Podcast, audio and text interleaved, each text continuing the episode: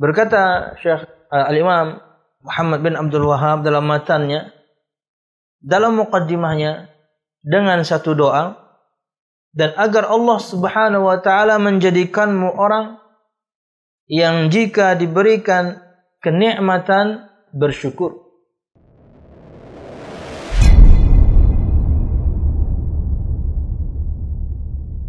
Assalamualaikum warahmatullahi wabarakatuh. إن الحمد لله نحمده ونستعينه ونستغفره ونعوذ بالله من شرور أنفسنا ومن سيئات أعمالنا. من يهده الله فلا مضل له ومن يضلل فلا هادي له. أشهد أن لا إله إلا الله وحده لا شريك له. وأشهد أن محمدا عبده ورسوله. قال الله تعالى في القرآن الكريم أعوذ بالله من الشيطان الرجيم. يا أيها الذين آمنوا اتقوا الله حق تقاته ولا تموتن إلا وأنتم مسلمون. يا أيها الناس اتقوا ربكم الذي خلقكم من نفس واحدة وخلق منها زوجها وبث منهما رجالا كثيرا ونساء واتقوا الله الذي تساءلون به والأرحام إن الله كان عليكم رقيبا. يا أيها الذين آمنوا اتقوا الله وقولوا قولا سديدا. يصلح لكم أعمالكم ويغفر لكم ذنوبكم. ومن يطع الله ورسوله فقد فاز فوزا عظيما. فإن أصدق الحديث كتاب الله وخير الهدي هدي محمد صلى الله عليه وسلم وشر الأمور محدثاتها فإن كل محدثة بدعة وكل بدعة ضلالة وكل ضلالة في النار أما بعد. Al-Musyahidun Al-Kiram, para pemirsa yang dirahmati Allah Subhanahu wa taala. Alhamdulillah segala puji dan syukur marilah kita haturkan kepada Allah Subhanahu wa taala. Kemudian salawat serta salam semoga selalu tercurahkan kepada junjungan besar Nabi kita Muhammad sallallahu alaihi wasallam juga beserta para sahabatnya, keluarganya dan segenap kaum muslimin yang selalu istiqamah berpegang teguh dengan Islam sampai hari kiamat kelak. Al-musyahidun al-kiram, para pemirsa yang dirahmati Allah Subhanahu wa taala, melanjutkan pembahasan kita pada kitab Syarah Al-Qawaid Al-Arba' karangan Syekh Saleh Fauzan bin Abdullah Al-Fauzan hafizahullah taala. Dan masih pada pembahasan muqaddimah dari kitab ini dari Syekh Muhammad bin Abdul Wahab yang berisikan tentang doa. Dan pada pertemuan yang lalu kita sudah masuk pada bagian doa beliau yang terakhir berkaitan dengan tiga tanda kebahagiaan. Kata beliau rahimahullah taala wa ayyaj'alaka mimman idza u'tiya syakara wa idza ibtuliya sabara wa idza adnaba istaghfara. Fa inna hadhihi thalath hiya unwanus sa'adah dan semoga Allah Subhanahu wa taala menjadikanmu orang yang apabila diberikan nikmat bersyukur apabila diberikan cobaan bersabar dan apabila berbuat dosa meminta ampun kepada Allah Subhanahu wa taala maka sesungguhnya tiga perkara ini adalah tanda-tanda kebahagiaan. Nah, pada pertemuan yang lalu kita telah menyebutkan keterangan Syekh Salih Fauzan berkaitan dengan potongan doa yang pertama tadi wa ayyaj'alaka mimman idza u'tiya syakar. Dan semoga Allah Subhanahu wa taala menjadikanmu orang yang apabila diberikan nikmat bersyukur. Berkata Syekh Saleh Fauzan, rekap sedikit. Khilaful ladzi idza u'tiya kafara an-ni'mata wa bataraha.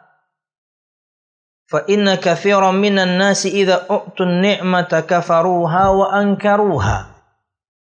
وصرفوها في غير طاعة الله عز وجل فصارت سببا لشقاوتهم أما من يشكر فإن الله يزيده قال تعالى وإذ تأذن ربكم لئن شكرتم لأزيدنكم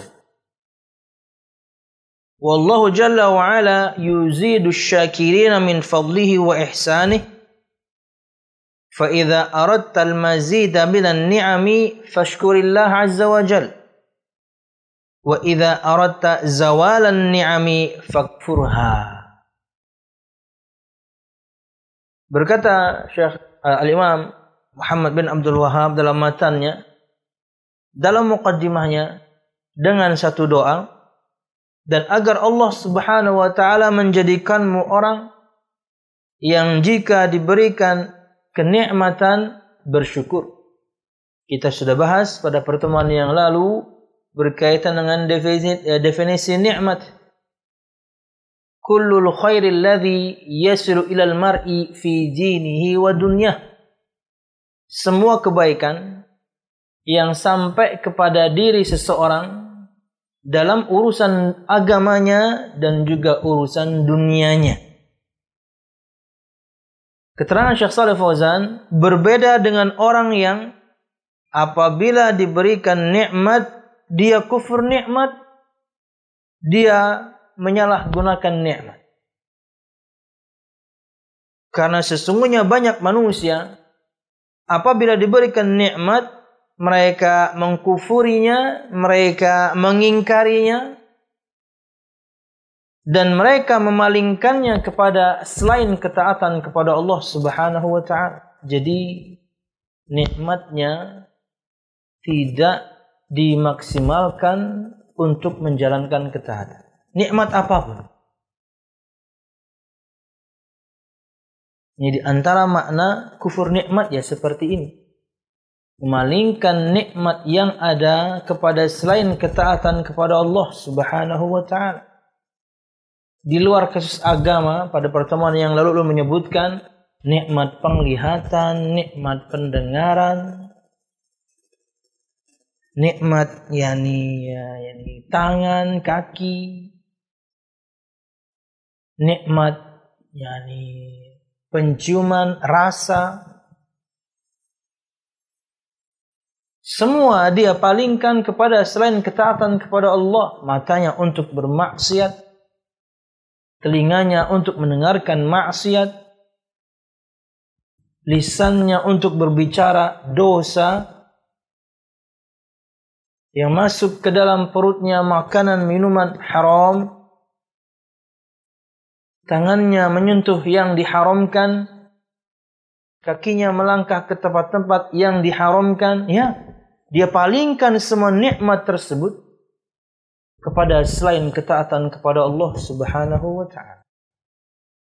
Fasarat sababan li syaqawatihim maka ia menjadi sebab akan kesengsaraan mereka. Ini karena memalingkan nikmat kepada selain ketaatan kepada Allah Subhanahu wa taala. Hati-hati kita bisa sengsara di dunia sebelum di akhirat.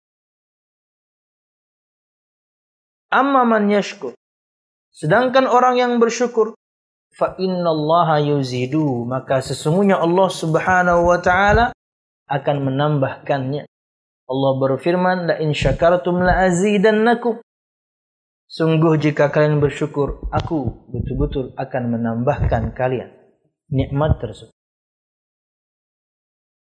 Wallahu jalla wa ala yuzidu syakirina min fadli wa ihsani dan Allah Subhanahu wa taala menambahkan kepada orang-orang yang bersyukur dari kebaikannya, dari keutamaannya.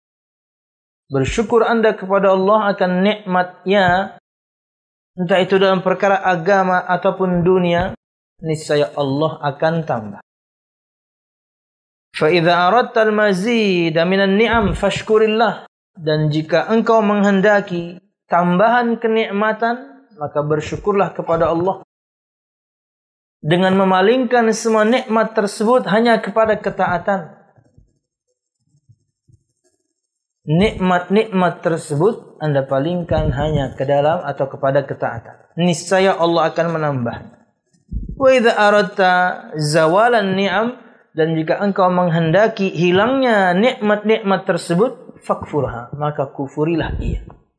Na'udzubillah dengan memalingkannya kepada selain ketaatan kepada Allah Subhanahu wa taala. Wallahu alam bisa. Ini yang kita sebutkan pada pertemuan yang lalu, masuk kepada doa beliau berikutnya. Kata beliau rahimahullah taala wa idzabtuliya sabara.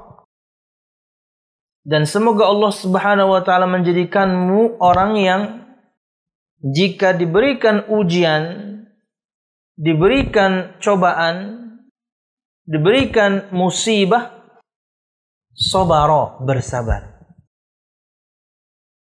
Perhatikan keterangan Syekh Saleh Fauzan bin Abdullah Al-Fauzan.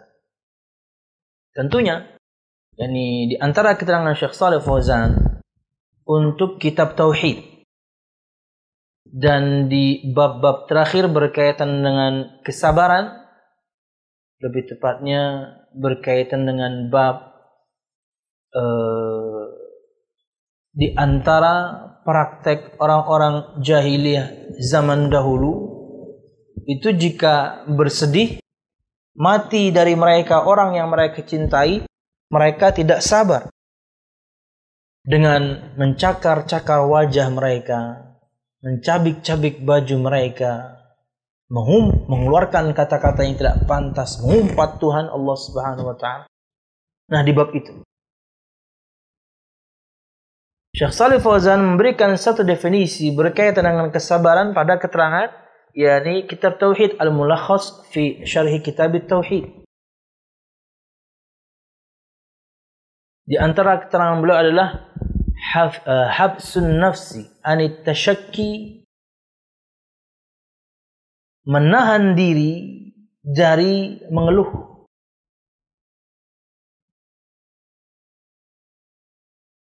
Kemudian menahan lisan dari perkataan yang tidak pantas. Dan sisanya menahan anggota badan dari perbuatan yang bahkan bisa merugikan dia.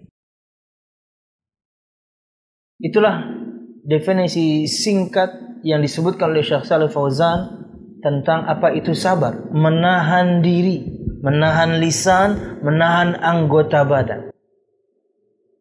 Menahan diri dari mengeluh, menahan lisan dari mengumpat, menahan anggota badan dari melakukan perbuatan-perbuatan yang merugikan orang lain atau bahkan merugikan diri dia sendiri.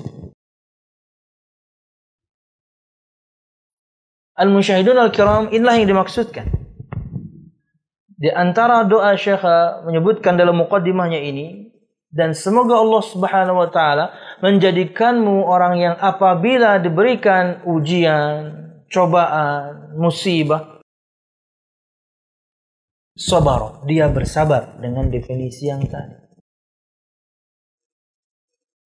Makanya kembali kepada bahasan takdir kita sering sebutkan faedah ini, orang kalau khatam faham dia maksudnya akan pembahasan takdir Allah Subhanahu wa taala dan empat tahapan takdir Allah Subhanahu wa taala. Bahwasanya Allah Subhanahu wa taala mengetahui semua takdir semua makhluknya di langit dan juga di bumi.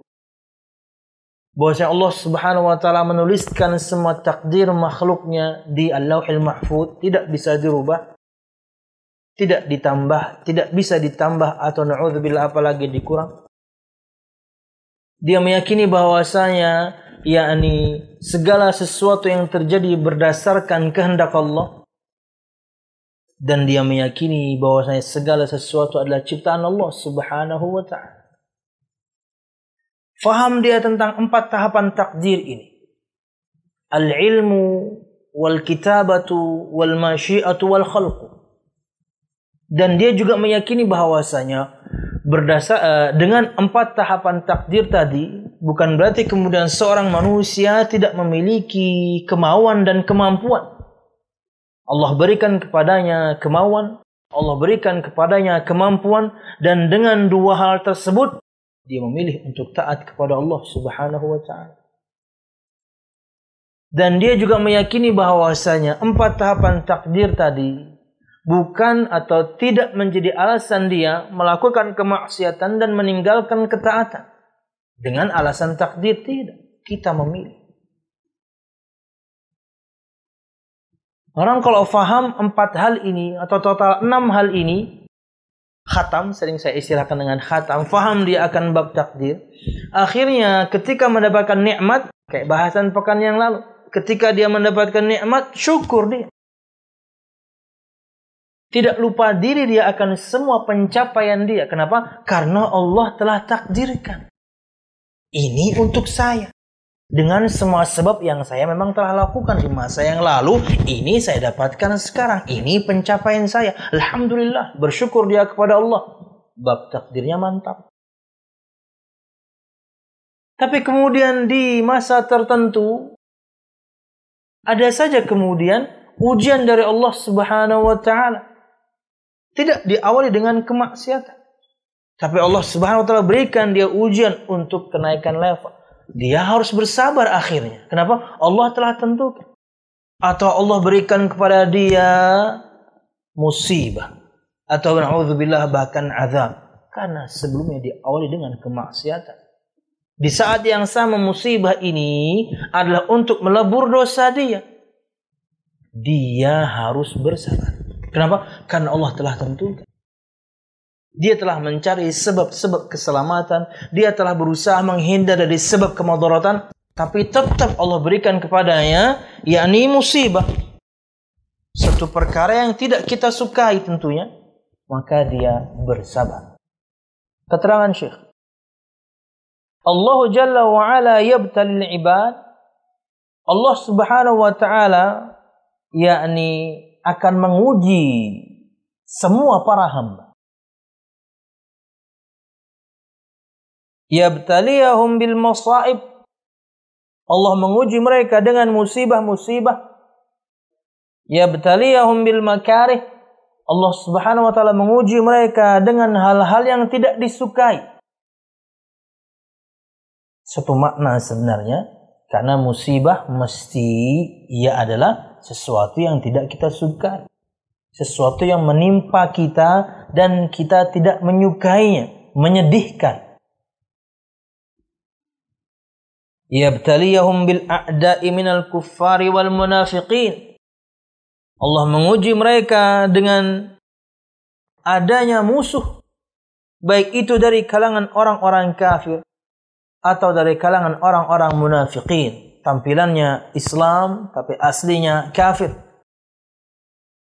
Fayahtajuna ila sabri wa adamil ya'si wa adamil qanuti min rahmatillah.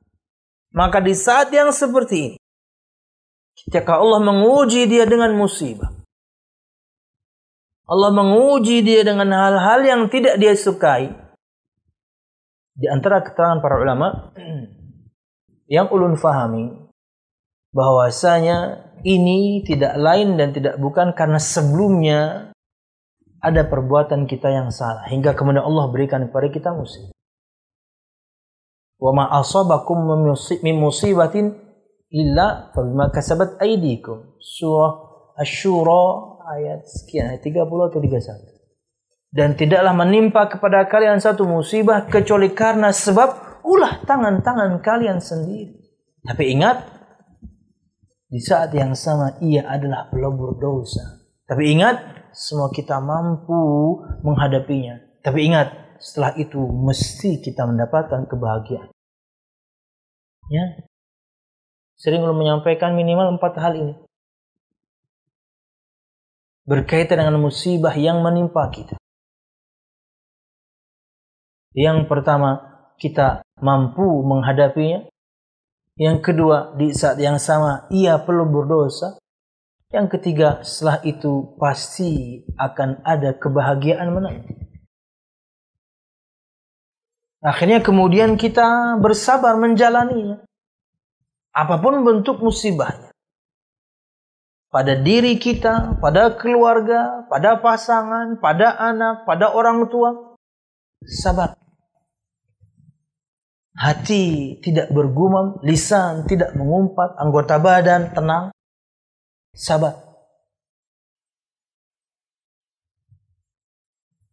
Fayahtajuna ila sabr. Maka mereka butuh kepada kesabaran. Ketika Allah Subhanahu wa taala menguji para hambanya dengan musibah, hal-hal yang mereka tidak sukai, Allah bahkan berikan mereka ujian dengan adanya musuh dari kalangan orang-orang kafir dan juga munafikin, maka orang-orang yang beriman butuh pada kesabaran, menahan diri. wa adamil ya'si dan mereka juga butuh kepada yakni tidak putus asa. Sabar, tidak putus asa wa adamil qanud dan tidak putus harapan disebutkan.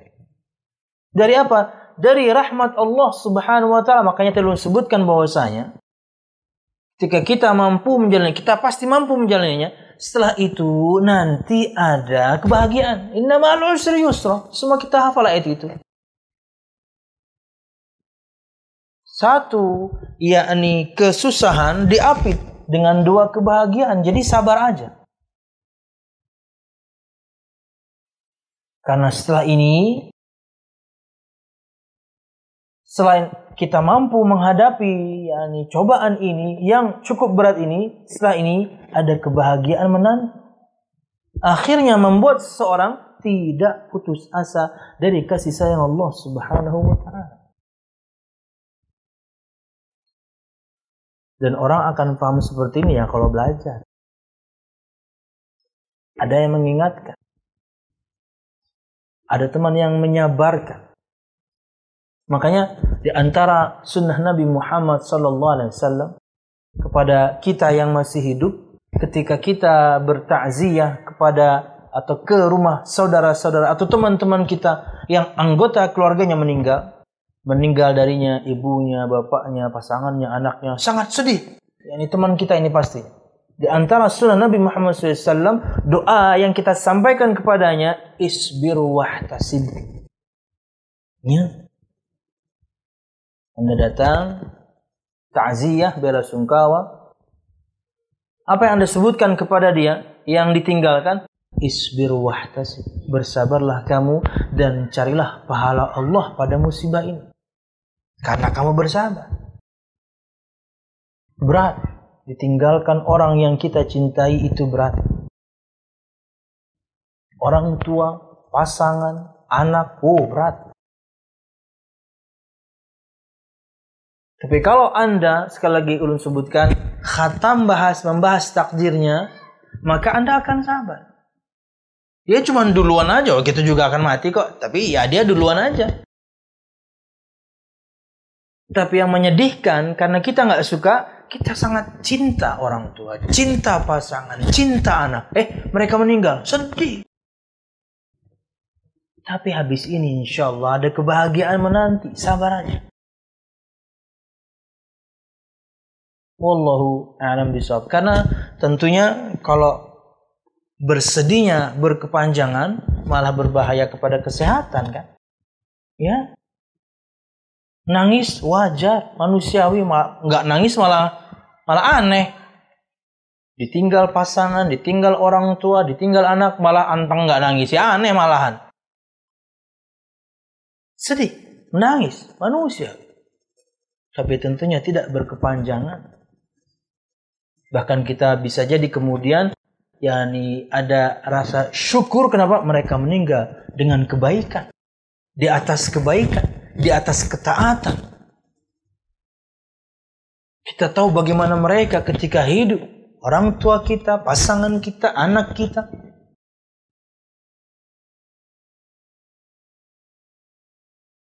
Bahkan ada satu keutamaan disebutkan dalam sabda Nabi Muhammad SAW Orang yang tetap bisa mengatakan Alhamdulillah padahal anaknya meninggal. Level sabarnya tinggi sekali karena dia tahu ini sudah ketentuan Allah. Dia nggak bisa ngapa-ngapain. Tapi tidak terjadi kecuali kepada orang yang luar biasa imannya. Allah janjikan untuk orang seperti ini rumah di surga. Allah katakan kepada para malaikatnya,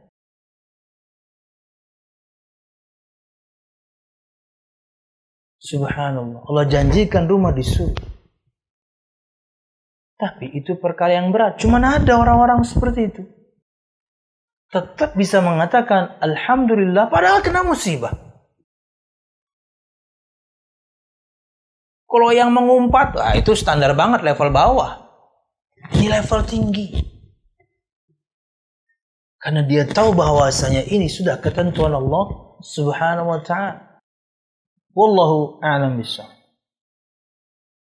Fayahtajuna ila sabri wa adamil ya'si wa adamil qanuti min rahmatillah. Maka orang-orang yang diberikan cobaan oleh Allah Subhanahu wa taala musibah, hal-hal yang tidak dia sukai.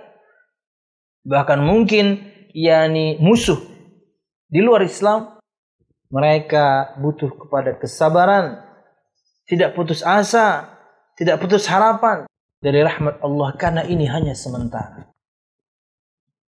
Ini kayak kayak kayak ini nih, ini musibah nih. Cobaan berat untuk semua kita ini. Sudah berapa bulan ini? Dari pertengahan Maret saya ingat kalau di Banjarmasin dari pertengahan Maret saya. Maret, April, Mei, Juni. April, Mei, Juni. Udah tiga bulan. Sekarang karena sudah tiga bulan lebih. Kalau dari pertengahan Maret ya udah tiga bulan lebih. Tapi yakinlah setelah ini ada kebaikan. Oh, sekarang aja ada kebaikan kok. Apalagi setelah ini. Harus bersabar. Ini sudah ketentuan Allah Subhanahu wa taala. Tapi kemudian di dalam syariat Islam jelas bagaimana kemudian yakni bagaimana sikap seorang muslim dalam menghadapi hal-hal yang demikian. Tidak boleh kita mencelakakan diri sendiri, apalagi mencelakakan orang lain. Kalau kemudian masih ada kekhawatiran, jangankan kekhawatiran terkena wabah yang mematikan ini. Hujan lebat saja memperbolehkan seseorang untuk kemudian sholat di rumahnya. Tahan dulu. Rindu pasti. Saya lihat kemarin ya di Facebook kalau nggak salah ya postingan seorang laki-laki eh, di Qatar kalau tidak salah. Di masa ketika yakni masjid sudah dibuka. Lari dia dengan wajah sumringah dari rumahnya lari dia dia dia, dia kamera dirinya lari dari rumah wah masjid sudah dibuka dengan bahagianya orang-orang yang kangen rumah Allah Subhanahu wa taala. Kan kita bisa lihat di wajah seseorang bagaimana dia sangat bahagia. Semuanya juga rindu, tapi bersabar. Apalagi Banjar masih. Apalagi kemudian kelurahan pemurus dalam dan lebih spesifik tatah belayung. Waduh, makin mengerucut tuh saya di situ tuh. Di rumah aja pokoknya. Ya, tapi insya Allah akan berlalu. Maka jangan pernah putus asa dari rahmat Allah, kasih sayang Allah. Kita mampu menjalani ini dan setelah ini kebahagiaan menanti. Insya Allah amin. Ya Rabbal Alamin. Fayahtajuna ila sabri wa adamil ya'si wa adamil qanut min rahmatillah. Wa yathbutuna ala dinihim. Dan mereka tetap kokoh di atas agama mereka wala yatazahzahuna ma'al fitan. Dan mereka tidak tergiring dengan fitnah-fitnah. Au yastaslimuna lil fitan. Atau bahkan mereka menyerah dengan fitnah. Semua orang buruk lingkungannya buruk dia ikut buruk. Ah enggak. Harusnya dia bersabar dengan keburukan tersebut tapi bentuk dia kemudian ingin keluar dari keburukan, ya dia keluar dari komunitas. Keluar dari komunitas, keluar dari grup, pindah ke satu tempat yang lebih nyaman, lebih aman. Banyak orang soleh yang mendukung, mensupport keistiqomahan dia. Nah, lambat laun kalau kita di situ terus, ya bisa jadi kemudian kita memaklumi atau menganggap tidak mengapa akan dosa-dosa yang dilakukan oleh banyak orang. Kenapa? Ah, jadi sudah biasa. Enggak, harus tetap teguh di atas agama. Walaupun kemudian banyak orang yang yang tidak melakukannya dengan baik. Tidak tergiring, bahkan na'udzubillah tidak menyerah dengan fitnah yang ada. Bisa diterjemahkan dengan yakni syahwat, syubhat, maksiat. Sabar. Karena subhanallah kemaksiatan itu nikmat-nikmat. Nabi Muhammad sudah mengatakannya sallallahu alaihi wasallam. Huffatin nar bisyahawat. Neraka itu diliputi dengan syahwat-syahwat. Segala sesuatu yang berkaitan dengan kenikmatan lisan, perut, sekitar perut, kemaluan, birahi, nikmat semua. Anda membuka tirai tersebut, Artinya Anda ambil kemudian yakni kenikmatan tersebut maksiat A maksiat B dosa A dosa B neraka Allah Subhanahu wa taala naudzubillah menanti. Harus sabar. Sabar itu dalam menjalankan ketaatan kepada Allah. Kalau nggak sabar dari kemarin kita sudah nggak sholat. Dua, sabar itu dalam meninggalkan maksiat kepada Allah. Kenapa? Nikmat-nikmat kalau nggak sabar sudah kita lakuin semua. Yang ketiga, sabar akan ketentuan Allah Subhanahu wa taala. Ya sabar itu ada tiga. Ini salah satu di antara yang sedang kita bahas. Sabar akan ini ketentuan Allah Subhanahu wa taala musibah.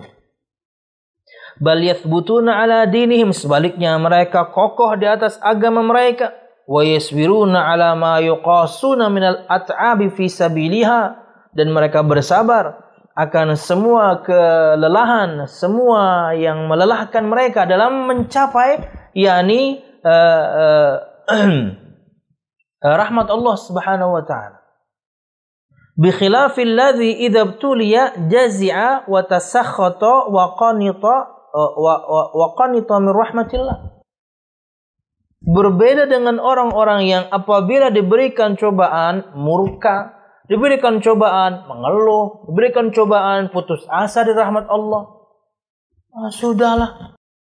Gak sabar kemarin-kemarin kok nggak berhenti-berhenti ya. Subhanallah. Harusnya bersabar terus. Baru satu dua bulan, baru satu dua tahun ngeluhnya minta Nah, kemarin tahunan bahkan mungkin puluhan tahun Anda bermaksiat santai aja. Harusnya lebih sabar lagi. Ya. Al-Musyahidun Al-Kiram uh, pekan lalu juga ya kita ingatkan ya satu cerita yang dituliskan oleh Al-Ustaz Fadil Badrus Salam tentang bagaimana seorang ibu-ibu menghampiri beliau mengeluhkan akan penyakit beliau kok lama sekali tidak Allah sembuh-sembuhkan dan begitu ditanya apa yang pernah dilakukan di masa lalu, contohnya dia adalah kupu-kupu mana? Lama. Pelebur dosanya jadi lama. Jadi harus sabar. Kemarin kemaksiatan yakni eh, Anda lakukan tahunan, sekarang cobaan Allah berikan cukup panjang, jadi harus bersabar. introspeksi diri untuk semua kita. Kita sebagai laki-laki, suami sehat, istri juga tentunya sehat secara medis, nggak dapat dapat anak. Introspeksi. Ya, bisa jadi itu adalah pelebur dosa. Kita diminta bersabar lebih lama lagi karena kemarin naudzubillah banyak maksiat yang kita lakukan berkaitan dengan kemaluan. Sekarang Anda dapat yang halal, sabar dulu. Tidak sedikit itu. Sabar dulu. Na'udzubillah yang masa lalunya pernah berzina kah? Na'udzubillah yang masa lalunya pernah sering jajan kah? Bukan pernah sering jajan kah? Yang dulu na'udzubillah masa lalunya pernah misalnya menggugurkan kandungan kah? Sabar. Karena dosa Anda cukup berat. Bukan cukup. Karena dosa Anda berat waktu itu. Sekarang Alhamdulillah hidayah menyapa. Anda sudah di atas manhaj yang lurus. Maka bersabarlah akan ujian Allah subhanahu wa ta'ala. Berat memang. Kitanya sehat, istri juga sehat. Tapi belum dapat karunia. Teman-teman nih juga nih kadang-kadang nih. Bikin kita nggak sabar. Nanyanya itu terus. Cukuplah. Ya,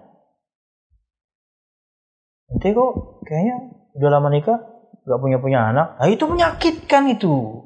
Kira-kira kalau nanya orang. Gimana? Istri udah hamil belum? Bodoh amat. Urusan rumah tangga orang. Kenapa anda kemudian... Nah ini baru fudul nih. Nah ini baru fudul nih. Anda nanya perkara yang gak penting.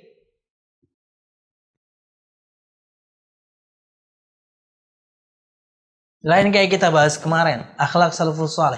Dia selalu bertanya kepada temannya, satu perkara yang dia ingin membantunya karena kelihatan temannya lagi susah. Subhanallah. Biarkan karena itu apalagi untuk perempuan ini cukup menyakitkan. Tapi ingat bukan berarti kemudian setiap pasangan yang lambat memiliki keturunan masa lalunya buruk. Enggak, enggak. Ini contoh aja, contoh aja. Jangan Anda general, nggak boleh.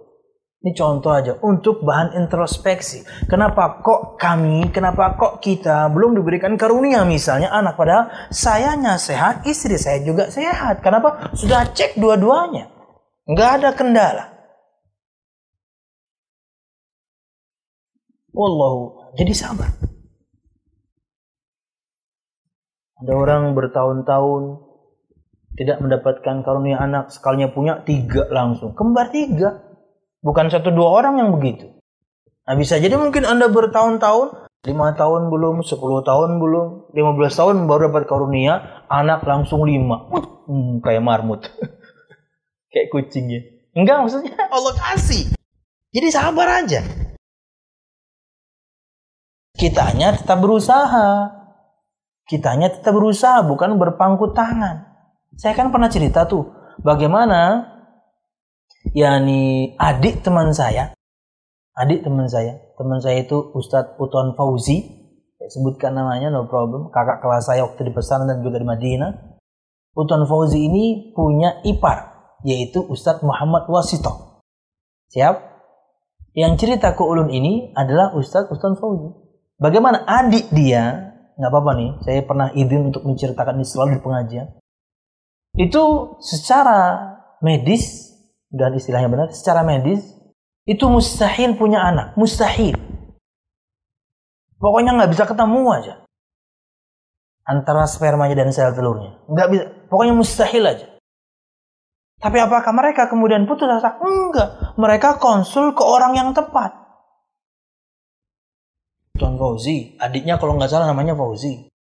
Punya ipar namanya Ustadz Muhammad Wasito. Teman saya juga satu kelas dan tapi di kakak, kakak kelas di Madinah Ustaz, apa yang harus saya lakukan berikut? Tetap, ya ini berusaha kata beliau. Tetap berusaha. Tidak ada yang mustahil bagi Allah subhanahu Tetap berusaha. Minum obat ini, minum obat itu, herbal ini, herbal itu. Memanjatkan pada Allah subhanahu wa ta'ala. Kalau nggak salah waktu itu dia uh, minum habba sauda bukan yang kapsul tapi betul-betul yang serbuk. Tapi karena sangat pahit tentunya minumnya dibarengi dengan madu itu dengan air zam-zam. Berdua suami istri lakukan terus setiap hari. Set. di bulan yang seharusnya kemudian istrinya haid nggak haid cuman keluar darinya cairan hitam. Perempuan paling tahu sekali dari sesuatu yang keluar dari tubuhnya. Ini bukan darah haid. Ini juga bukan ya ini darah darah penyakit bukan, ini sesuatu yang lain, hitam. Konsul. Ke klinik yang sama yang kemarin mengatakan mereka mustahil punya anak di Semarang dan kemudian di Jogja. Mereka tinggalnya di Klaten. Kalau nggak salah sekarang anaknya tiga. Sebelum kita tahu anaknya sekarang tiga, ketika datang ke sana, dokternya pun nggak bisa ngomong. Dengan dokter yang sama, lab yang sama. E, ini sudah di luar kuasa kamu. Ada apa dok? Gimana ya? Ada apa dok? Wah, itu kok kita dramatisir. Ya. Bagusnya lagi kalau kameranya bisa ngezoom kayak film India ya. Istri anda hamil. Wah nggak percaya dia. Nggak percaya dia. Itu di Semarang. Di Jogja juga begitu. Ya, itu yang mustahil kata kita tidak untuk Allah Subhanahu wa taala. Apalagi andanya sehat, istrinya sehat, maka jadikan bahan introspeksi. Sabar aja dulu. Oh Ustaz begitu ngomong gitu enak karena sudah punya punya anak. Lah inilah gunanya introspeksi. Ada apa dengan anda hingga kok sampai sekarang Allah belum anugerahkan anak? Anda tanya diri anda sendiri. Semua kita tanya diri kita masing-masing. Apa yang salah pada diri ini? Apakah karena kemaksiatan masa lalu? Mungkin. Kemaksiatan yang berkaitan dengan syahwat, kemaluan. Mungkin. Tapi apakah semuanya begitu? Ya enggak. Jadi kan banyak introspeksi. Tapi jangan pernah berputus asa dari rahmat Allah subhanahu wa ta'ala. Usaha terus. Dekatkan diri kepada Allah, takwa kepada Allah. Kayak kemarin ya, kemarin ya. Kemarin ada pertanyaan ke ulunnya, tapi saya jawabnya tadi subuh. Ustaz saya nggak tahan dengan suami saya. Selalu marah-marah, selalu mengangkat suara. Saya katakan, ini penyakit. Jadi Anda harus cari sumber penyakitnya. Nanti diobati. Mohon maaf nih, bagaimana hubungannya dengan Allah Subhanahu wa taala, salat lima waktunya? Bagaimana hubungannya dengan kitabullah Al-Qur'anul Karim dalam baca Qur'annya? Dan penyakitnya langsung ketemu. Betul Ustaz, suami saya jarang sholat selesai. Dan ketika dia ingin melanjutkan menyebutkan ayat yang lain, stop. Saya sampai di sini saja. Saya tidak mau mendengarkan yang yang lain. Stop. Itulah penyakitnya obat. Anda jauh dari Allah Subhanahu wa taala. Anda jauh dari kitabnya Allah Subhanahu wa taala. Kalau jauh dari Allah, yang dekat sama Anda siapa? Setan. Simpel aja udah. Karena marah itu, amarah itu dari syaitan. Syaitan telah melazimi dia. Nemenin dia, nempel dia. Kenapa? Jauh sama Allah kok. Jadi perkara sedikit pun marah. Salah. Bisa jadi Anda betul-betul bersalah. Tapi kan mungkin ringan gitu ya. Ringan dalam artian misalnya, ya apalah, um, bikin kopi mungkin kurang gula sedikit, atau bikin kopi, um, bikin makanan mungkin lebih asin sedikit, tapi marahnya minta ampun. Gebrak meja. Mengeluarkan kata-kata yang tidak pantas. Istri macam apa kamu? Kita udah udah nikah sekian tahun nggak bisa bisa masak juga. Jauh dari Allah. Gersang hatinya. Yang melaziminya siapa? Terima kasih Ustaz. Ya siap. Silakan Anda obati. Selalu ingatkan Eh, dengan eh, kesabaran selalu ingatkan dengan kelembutan sisanya di balik itu berdoalah kepada Allah SWT Allah maha, maha mampu untuk merubah suami anda. Sebentar. Sebentar. Tapi kita harus berusaha. Sabar dan jangan kemudian putus asa dari rahmat Allah Subhanahu wa taala. Bikhilafil jazi'a wa tasakhata wa qanita min rahmatillah. Beda dengan orang yang apabila diuji murka, diuji mengeluh, diuji putus asa dari rahmat Allah Subhanahu wa taala. Fahada yuzadu ibtilaan ila ibtila'in. Maka yang demikian, Anda jika murka dengan satu cobaan, Anda jika ngeluh jika dengan satu cobaan. Anda kemudian jika putus asa dari rahmat Allah, ini akan menambahkan kepada Anda cobaan yang lain, makin berat dan makin berat disebutkan Imam Ahmad bin Hanbal rahimahullah tidak pernah mengatakan aduh. Setelah sebelumnya dia pernah kemudian mengeluh. Gimana coba? Ini baru imam madhab ya. Kita nggak bisa bayangkan gimana imannya para sahabat, gimana Nabi Muhammad SAW. Nggak pernah mengeluh. Tidak pernah mengeluh. Mengatakan, eh, nggak pernah tuh. Aduh, nggak pernah tuh. Level imam seorang, level iman seorang imam memang ya. Subhanallah.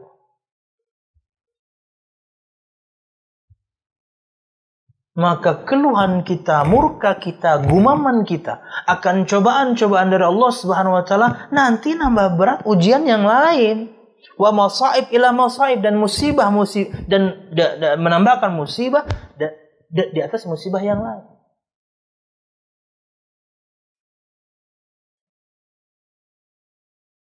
Maka dengan seorang murka, mengeluh, putus asa dari rahmat Allah, ini akan menambah cobaan dia dan akan menambah musibah dia. Harusnya Anda yakini bahwasanya ketika Anda diberikan cobaan, Allah berarti cinta sama Anda. Nah itu tambahan tuh. Kalau ada cobaan, satu, Anda berarti sedang dicintai. Dua, Anda berarti Anda pasti mampu menghadapi. Tiga, di saat yang sama bisa jadi karena sebelumnya Anda awal dengan kemaksiatan, ia pelebur dosa.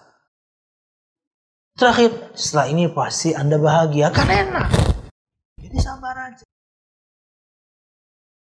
Nah itulah terkadang gunanya teman, kalau mungkin siapa pun di antara kita belum menikah, gunanya orang tua yang faham agama, kalau misalnya masih punya orang tua, dan kemudian gunanya pasangan, alhamdulillah yang sudah menikah. Kadang harus saling mengingatkan satu sama lain. Khususnya para suami. Tidak sedikit kemudian yang mengeluh ini adalah istri. Suami harus bisa menyabarkan.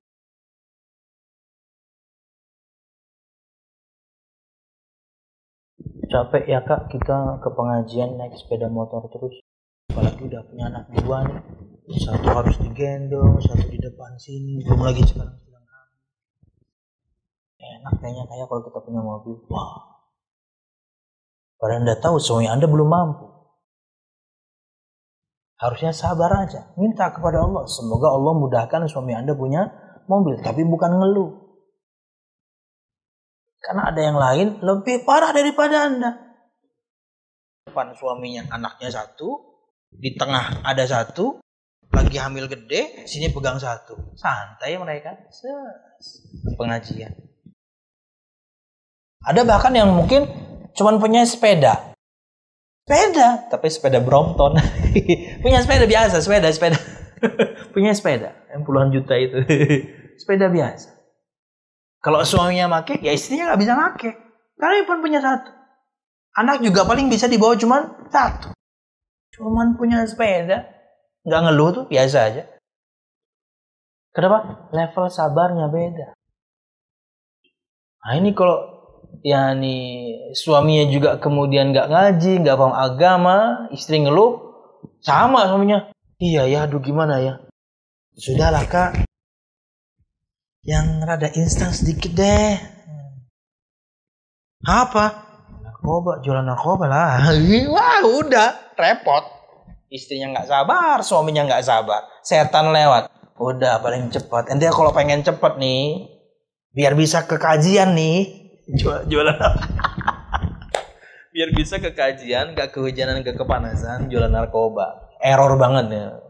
Ya itulah usulan syaiton ya. Subhanallah. Nanti potong nih Pit, begitu. iya dong. Inilah memang kerjanya syaitan. Dia akan hiasi keburukan dengan alasan-alasan. Supaya nyaman nanti ke pengajiannya, kamu enak, istri kamu enak, anak kamu enak. Kan harus punya mobil. Nah kamu dagangannya begini-begini aja. Kapan bisa beli mobil? Sepeda motor ini juga kamu kan nyicil-nyicil lama banget kan? Sudahlah itu loh ada itu. Cepat. Dapat duitnya cepat. Banyak lagi. Apa itu? Bandar yang di situ loh. Dia butuh kurir. Sana. Begitu? Iya ya. Ah, setan Anda iyain selesai. Nggak ada pengingatnya di antara mereka berdua. Itulah pentingnya belajar agama. Wallahu alam bisa khususnya si suami karena terkadang timpang istri yang belajar agama apa agama suaminya enggak ketika istri menasihati mental kenapa powernya ada pada suami kok kamu diam aja udah yang menafkahi keluarga ini saya Gak usah kamu pikirkan bagaimana cara saya. Yang penting saya mencari nafkah untuk kamu dan anak-anak kok. Gak usah bahas-bahas hal haram sama saya. Wah, repot. Repot. Wallahu a'lam. Nabi Muhammad SAW bersabda, Inna Allah idha ahabba qawman ibtalahum, faman radiyya falahu ridha, wa man sakhita fa'alaihi sakhtu. As-sukhtu. Sesungguhnya Allah Subhanahu wa taala jika mencintai satu kaum atau satu orang, Allah akan menguji mereka. Allah akan menguji dia. Maka barang siapa yang ridha, baginya keridhaan dari Allah. Ingat kita sebutkan nikmat surga masih kalah dengan nikmat ridha Allah. Itulah yang dimiliki para sahabat. Tinggi. Sudahlah nikmat surga sangat tinggi, paling tinggi. Puncaknya kenikmatan semua yang kita amalkan selama ini. Keriduan itu di atasnya lagi. Untuk orang yang ridho. Dia menerima dan kemudian sabar akan ketentuan Allah. Ridho. Rela. Dia jalani. Karena dia punya prinsip tadi Allah sedang cintai saya, ini untuk lo berdosa, saya pasti mampu menghadapi, habis ini pasti akan mendapatkan kebahagiaan, saya akan jalani. Bismillah. Maka tapi uh, dan barang siapa yang benci, maka atasnya kebencian, nauzubillah kebencian dari Allah Subhanahu wa taala, kemarahan, kemurkaan dari Allah Subhanahu wa taala. Allah pasti menguji, maka bersabarlah. Kemudian kata Syekh, kita cepatin dikit ya. Wa a'zamun nasi bala'an al-anbiya thumma al-amthal fal amthal. Disebutkan dalam sebuah hadis potongan hadis riwayat Imam Tirmidzi dan manusia yang paling besar cobaannya adalah para nabi, kemudian yang semisal para nabi dan yang semisal para nabi. Ya, Nabi Muhammad pernah ditanya ini oleh sahabat, dan saya tidak salah, enggak disebutkan di sini, sahabat Abu Dhar kalau tidak salah. Abu Dhar. Kata, kata dia, wahai Nabi Muhammad, siapa orang yang paling berat cobaannya? Kata Nabi Muhammad, para nabi dong. Para nabi itu berat semua. Yang dihadapi kaum Nabi Muhammad yang dihadapi semua umat manusia sama jinnya. Berat ujian. Dilecehkan, dipanggil dengan yakni eh, gelar-gelar yang buruk, dikucilkan, diusir, dituduh uh, tukang sihir, dituduh penyair, dituduh orang gila. Disebarkan tuduhan itu, dibully setiap hari, lagi sujud lempari kotor, uh, luar biasa ujiannya. Pengen dakwah meluruskan umatnya, dilempari batu, diusir, bocor kepalanya, saudara. Kemudian yang semisal dengan mereka dan yang semisal para nabi, kemudian para sahabat, tabi'in, tabi'ut tabi'in, orang-orang yang saleh, siddiqun. Kata beliau menerangkan ubtulia rusul, para rasul telah diuji, wabtulia siddiqun dan juga orang-orang yang siddiq, orang-orang yang sangat jujur imannya kepada Allah dan Rasulnya juga diberikan ujian. Wabtulia syuhada dan orang-orang yang mati syahid pun mendapatkan ujian. Di antaranya ujian mati syahid itu. Berat untuk kemudian turun ke medan peperangan. Tapi mereka sabar karena tahu akan pahala Allah di balik itu. Sabar mereka dan gugur di medan perang. Wabtuli yang ibadullah mu'minun dan diuji juga hamba-hamba Allah yang beriman. Lakinnahum sabaru akan tetapi mereka sabar. Para nabinya sabar, sedikun, syuhada, orang beriman, semuanya bersabar. Maka kita harus bersabar. Hati, lisan, dan anggota badan. Amal munafiqu faqad qala Allah fi fihi wa minan nasi man ya'budu Allah ala harfin fa in asabahu khairun itma'anna bihi wa in asabathu fitnatun inqalaba ala wajhihi khasira ad-dunya wal akhirah dzalika huwal khusranul mubin yang artinya adalah dan di antara manusia ada yang menyembah Allah hanya di tepi Apa artinya? Kita akan bahas nanti. Maka jika dia memperoleh kebaik-kebajikan, dia merasa puas. Dan jika dia ditimpa suatu cobaan, dia berbalik ke belakang. Dia rugi di dunia dan rugi di akhirat. Itulah kerugian yang nyata. Tafsir singkat dari Syekh Sadi rahimahullah taala. Aywa minan nasi man huwa dhaiful iman. Tafsirannya adalah bahwasanya di antara manusia ada yang ada orang yang imannya lemah. Lam yadkhulil iman qalbahu. Iman belum masuk ke hatinya. Walam tukhalituhu basyashatuhu. Dan iman belum kemudian yakni memancarkan sinarnya lah kasarnya begitu ya. Belum di belum tercampur dengan sinar yakni iman. Bal dakhala fihi akan tapi bahkan sebaliknya masuk pada hatinya imma khaufan rasa takut wa imma adah atau wa imma adatan ala wajhi la yath, uh, la yathbut indal mihad atau kemudian masuk pada hatinya satu kebiasaan yang jika tertimpa musibah, jika tertimpa cobaan, layat bud. Gak kuat, goyah dia. Ada orang yang begini kata kata Syekh. Menafsirkan firman Allah Subhanahu wa taala, imannya itu di tepi. Imannya itu di pojok. Bukan di tengah, bukan di dalam, bukan masuk ke inti, masih di pojokan. Makanya kata Nabi Muhammad menyambung hadis yang tadi, kata beliau SAW, seorang akan diuji berdasarkan imannya, tebal imannya, berat cobaannya, lemah imannya, ya dia akan diuji berdasarkan yakni iman. Ada orang yang lemah imannya, iman belum masuk ke hatinya, cahaya iman kemudian belum yakni bercampur pada hatinya. Tapi yang masuk ke hatinya adalah rasa takut, atau satu kebiasaan yang kemudian ketika tertimpa musibah goyah. Fa asabahu khairun itma'anna bihi. Kalau dia mendapatkan kebaikan, tenang, puas. Ai idza istamarra rizquhu ragadan wa lam yahsul lahu min al makarih syai' itma'anna bidzalikal khair. La bi imani. Artinya jika rizkinya lancar, tidak mendapatkan hal-hal yang tidak dia sukai, tenang dia. Bukan karena imannya, karena apa? Duitnya masih ada, rizkinya ada.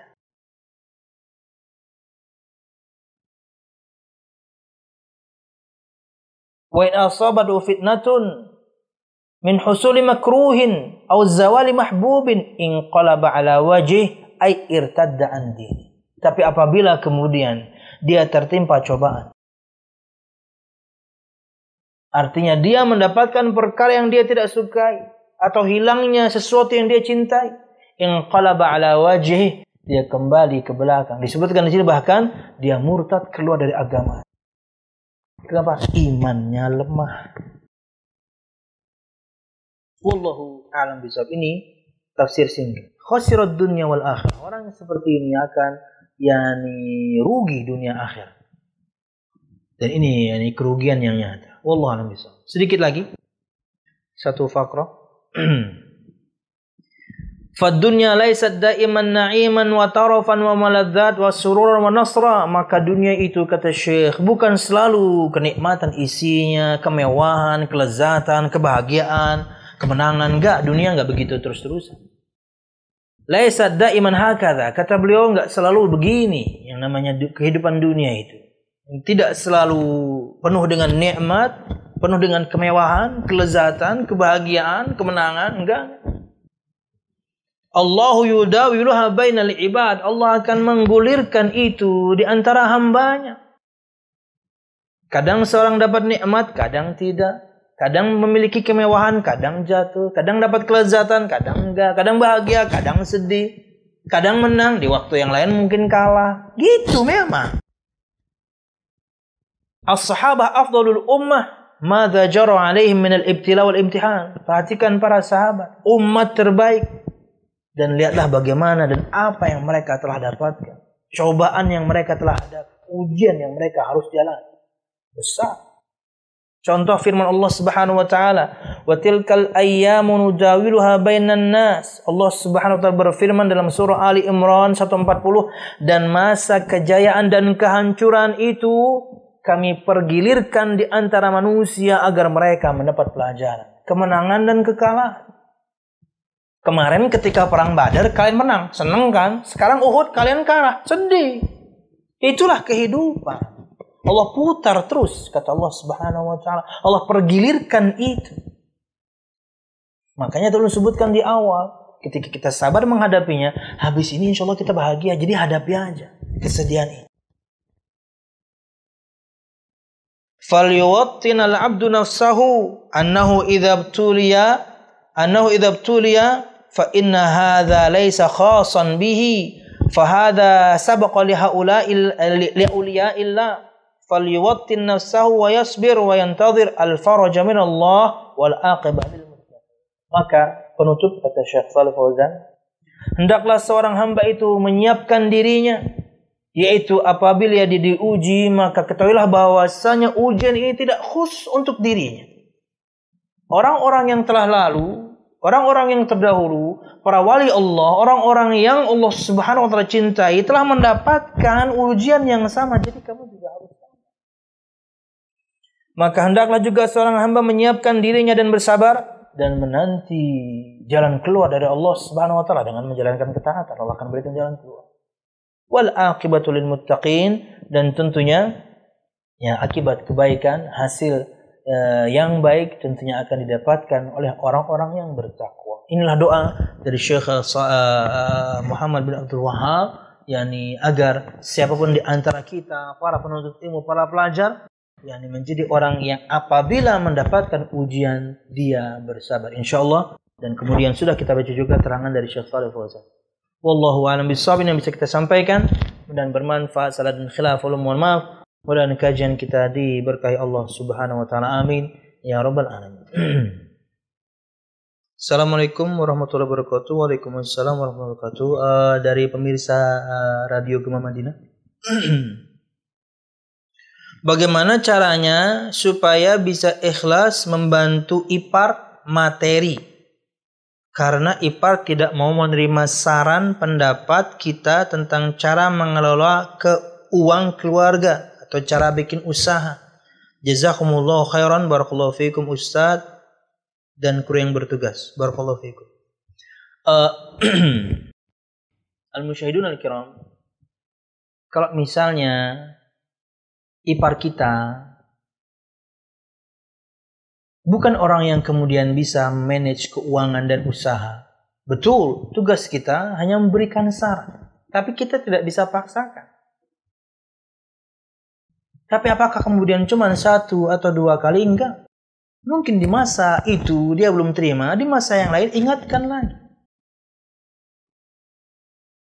Dan ingat, nggak mesti Anda langsung yang kemudian menasehati. Bisa lewat adik Anda atau kakak Anda kan? Lewat pasangan dia. Tata kata-katanya betul-betul yang rapi. Agar kemudian disampaikan dan tidak tersinggung. Ini berkaitan dengan izzah memang. Tipis sekali dengan ego. Seorang itu memiliki kemuliaannya. Seorang itu memiliki kebanggaannya.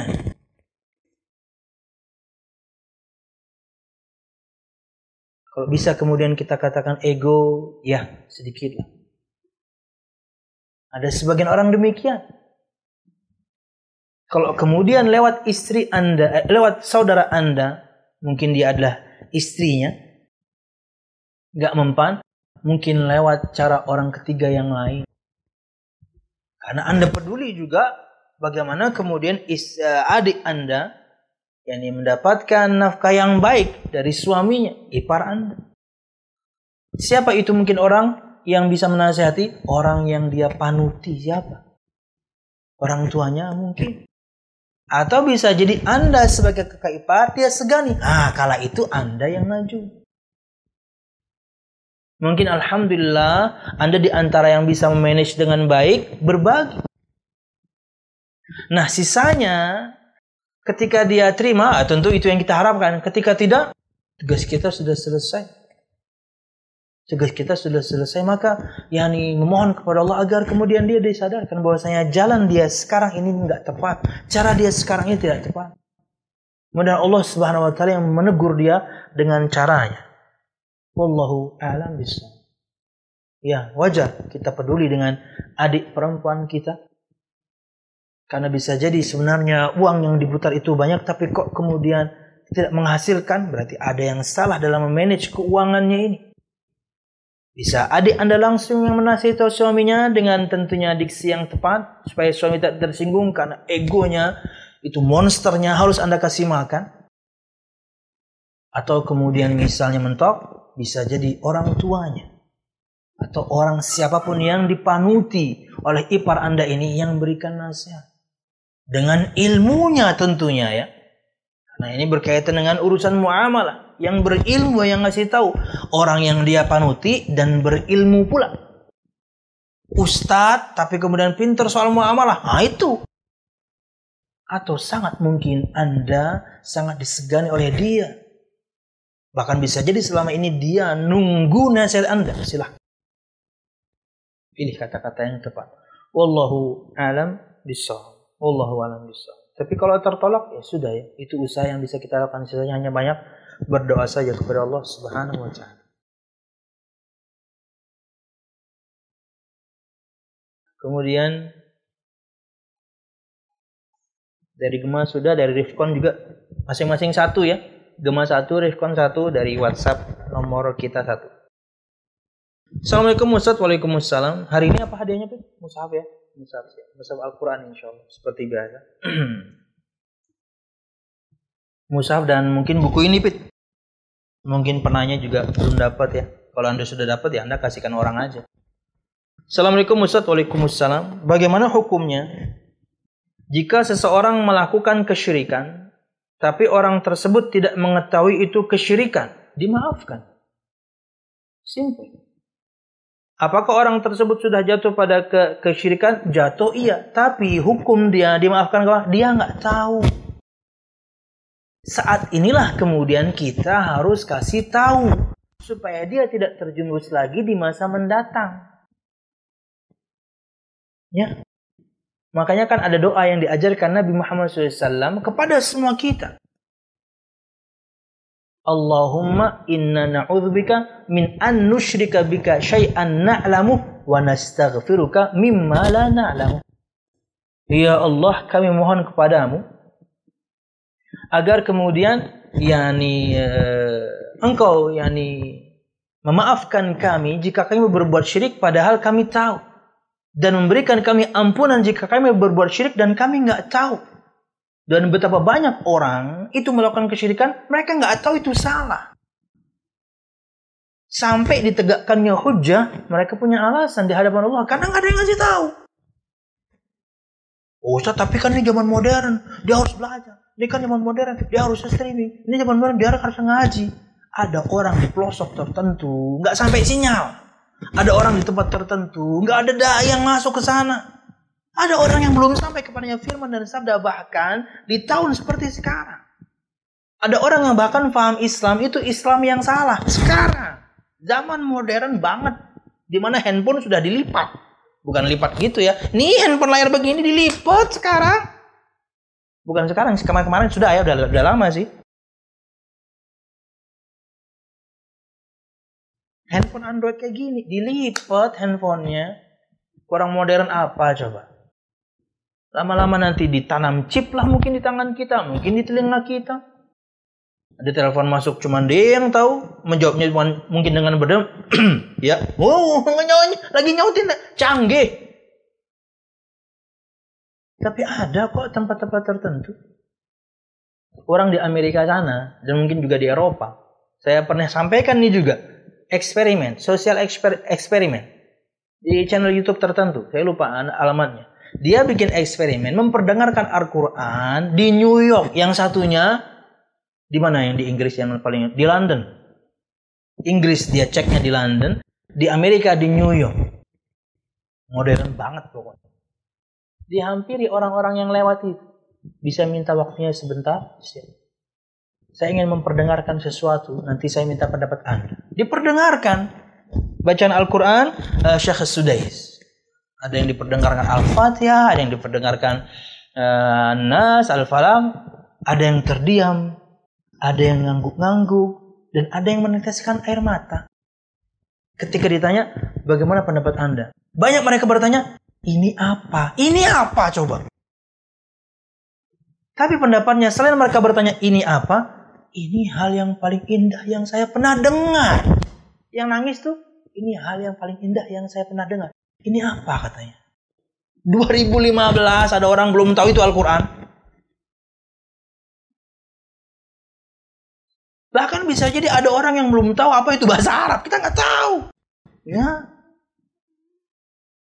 tidak bisa. Ada orang yang kemudian di zaman modern pun belum sampai kepadanya Islam, belum sampai kepadanya firman dan sabda. Yang sampai kepadanya Islam yang salah.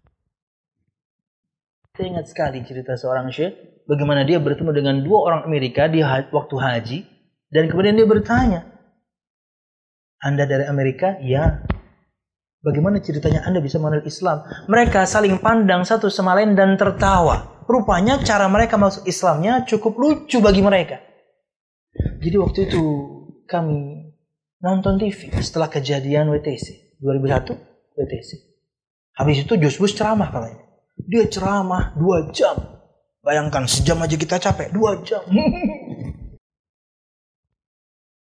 Dalam dua jam itu ada satu kata yang baru kami dengar. Jadi 2001. 2001 ya, udah modern 2001. 2001 itu handphone sudah nggak ada antenanya. Ya, saya ingat 98, 99 booming handphone yang berinisial Nokia itu, tapi masih ada antenanya. Tahun 2000 sudah keluar 3310. Ingat ingat saya. Eh bukan bukan bukan 2000. Iya, 2000 2000. Karena saya ingat karena saya dapat hadiah itu. Ketika saya masuk Madinah, saya dapat hadiah handphone itu. Sebutkan saja nggak apa ya, udah udah udah mati juga. Handphone sejuta umat kali itu. Tiga tiga sepuluh, nggak ada antenanya. Artinya sudah canggih lah waktu itu. Walaupun ya gamenya masih ular doang. Soalnya juga masih tidur ditutit. Tapi kan udah canggih zaman itu. Udah udah ada telekomunikasi. Ya. YouTube sudah ada belum ya? Belum. YouTube berapa sih? Tahun berapa sih? Dua ribu berapa gitu ya? Hah? Boomingnya. Nah, tapi mungkin YouTube sudah. Ya. Kembali pada cerita, kata dia, ada satu kata yang kami belum pernah dengar kecuali hari itu. Apa kata itu? Islam. Apa itu Islam? 2000. Eh sorry, tahun 2001. Ada orang baru dengar kata Al-Islam. Ya, Allah Bukan berarti kemudian ulun di antara yang sangat memperjuangkan orang itu ya, bisa diterima uzurnya dengan kebodohan. Enggak. Ini perkara khilaf tentunya. Apalagi kita berbicara Indonesia ya. Tapi Indonesia juga ada loh tempat-tempat pelosok yang sangat mungkin, saya tidak bisa memastikan, sangat mungkin sampai kepada mereka Islam, tapi Islam yang sah di pelosok itu, di pelosok, nggak usah jauh-jauh di Kalsel ini, tapi rada naik gunung, naik bukit sana, yang masuk ke sana dakwah apa? Syiah yang masuk. Menyedihkan tentunya untuk kita para dai ahlus sunnah. Yang masuk malah syiah. Sampai kepada mereka yang mengatasnamakan Islam. Coba Kapan? Ini tahun lah, tahun kemarin saya ke sana, 2019, sama teman-teman bikers. Kalau kita tidak berkesinambungan datang, maka misionaris yang akan datang atau Islam yang salah yang datang. Kapan? 2019. Ada orang yang salah kepada Islam, tapi yang salah bayang. Maka, ya ini semoga dimaafkan. Karena harus tegakkan hujah dulu, faham dia itu salah, itu syirik, baru kemudian berlaku ancaman Allah Subhanahu wa taala. Kalau sudah ditegakkan hujah wallahu a'lam bishawab. Dua aja ya. Atau satu lagi, Pit. Oke, satu ya.